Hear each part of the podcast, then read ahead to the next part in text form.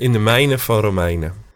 Paulus die schreef een brief die bepalend is geweest voor de loop van de wereldgeschiedenis.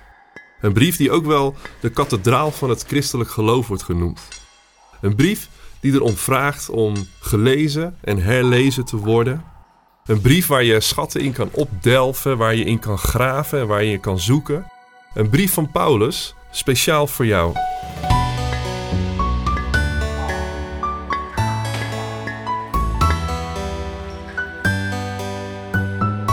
Gaan in deze podcast mijnen in Romeinen.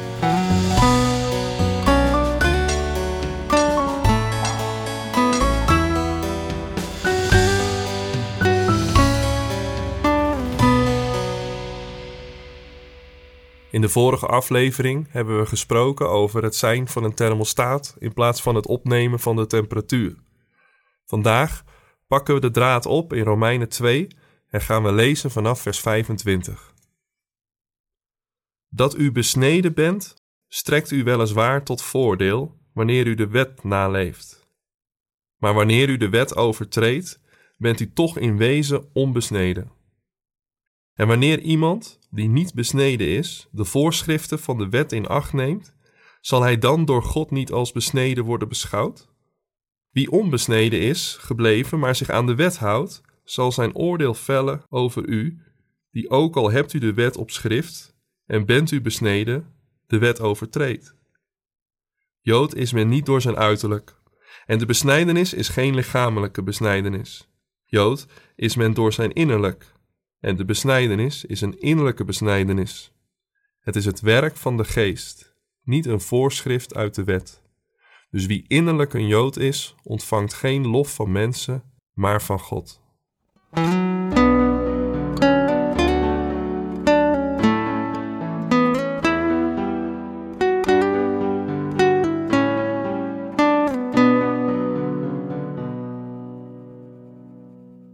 Uiterlijke kenmerken zeggen iets over het innerlijk van degene die ze draagt. Een Ajax-shirt zegt iets over de voorliefde van de drager. Een tatoeage van de naam van een geliefde zegt iets over de liefde van de drager voor zijn of haar geliefde. Het zegt iets als je boodschappen doet op je van bommelschoenen of op je sneakers. Onze kleding, stijl of kapsel zegt iets over onze identiteit. Helemaal als het een gedeelde identiteit is als een bepaald kenmerk niet alleen wat zegt over jou, maar ook over de groep waar je bij hoort. Ik had vroeger op de middelbare school een trainingsjasje van een bepaald merk. Een merk dat door meerdere leeftijdsgenoten gedragen werd. Het droeg bij aan een soort collectieve identiteit. Identiteitskenmerken kunnen zichtbaar worden in bepaalde uiterlijkheden, bepaalde manieren van spreken of gedeelde overtuigingen. Ze hebben een samenbindend en onderscheidend karakter. Samenbindend omdat men herkenning kan ontvangen en vinden in bepaalde kenmerken, maar ook onderscheidend omdat dezelfde kenmerken duidelijk maken wie buiten of wie binnen is. In de kerk van vandaag bestaan er ook veel van dit soort identiteitskenmerken. Ze bepalen vaak de buitengrenzen van de denominaties. Voor baptisten is de doop zo'n kenmerk of onze congregationele bestuursvorm. Voor christenen onderling kan de visie op bepaalde onderwerpen zo'n identiteitskenmerk worden. Dat degene elkaar insluiten of uitsluiten vanwege de andere visie op Genesis 1 of homoseksualiteit. Grote discussies of scheuringen in de kerk hebben vaak te maken met identiteitskenmerken. Een belangrijk identiteitskenmerk in de gemeente van Rome voor de Joden in die gemeente was de besnijdenis. Een niet te onderschatten kenmerk. Nog voordat God de wet gaf op de Sinaï, had God de besnijdenis gegeven aan Abraham als teken van het verbond dat God sloot met Abraham en zijn nakomelingen. Kern van het verbond was de belofte van God dat hij de God zou zijn van Abraham en zijn nageslacht. Dit zou zichtbaar worden in een talrijk nageslacht, het land Canaan en het zijn van een zegen voor de volken. Aan de kant van Abraham en zijn nageslacht was daar de wetenschap dat zij het volk van God waren. Dit werd zichtbaar in de bij het verbond behorende verplichting tot het besnijden van alle mannelijke nakomelingen. Wie niet besneden was, moest uit de gemeenschap omdat hij dan het verbond verbroken had. Een identiteitskenmerk van je welste dus.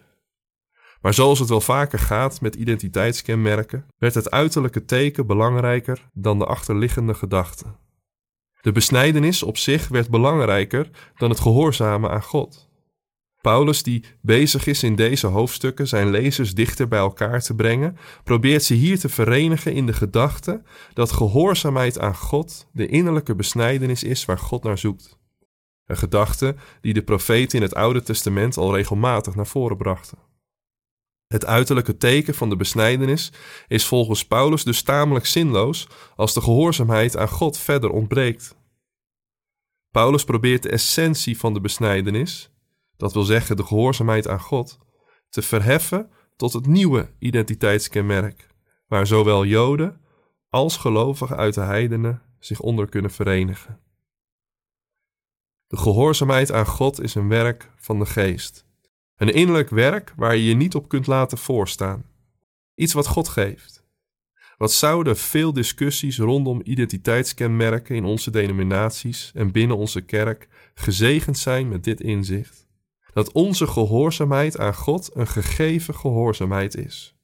Een resultaat van wat God door Zijn geest in ons hart heeft gedaan en doet. Dat we niet in staat zijn dit innerlijke werk te beoordelen bij de ander en we daarom maar het oordeel bij God laten. Dat we leven voor de lof van God in onze gehoorzaamheid aan Hem en niet op zoek zijn naar lof van mensen vanwege onze overtuigingen. Dat we elkaar niet in of uitsluiten op identiteitskenmerken, maar we elkaar vinden in het vertrouwen dat God een goed werk is begonnen in ons en in de ander en dat Hij dat zal volbrengen.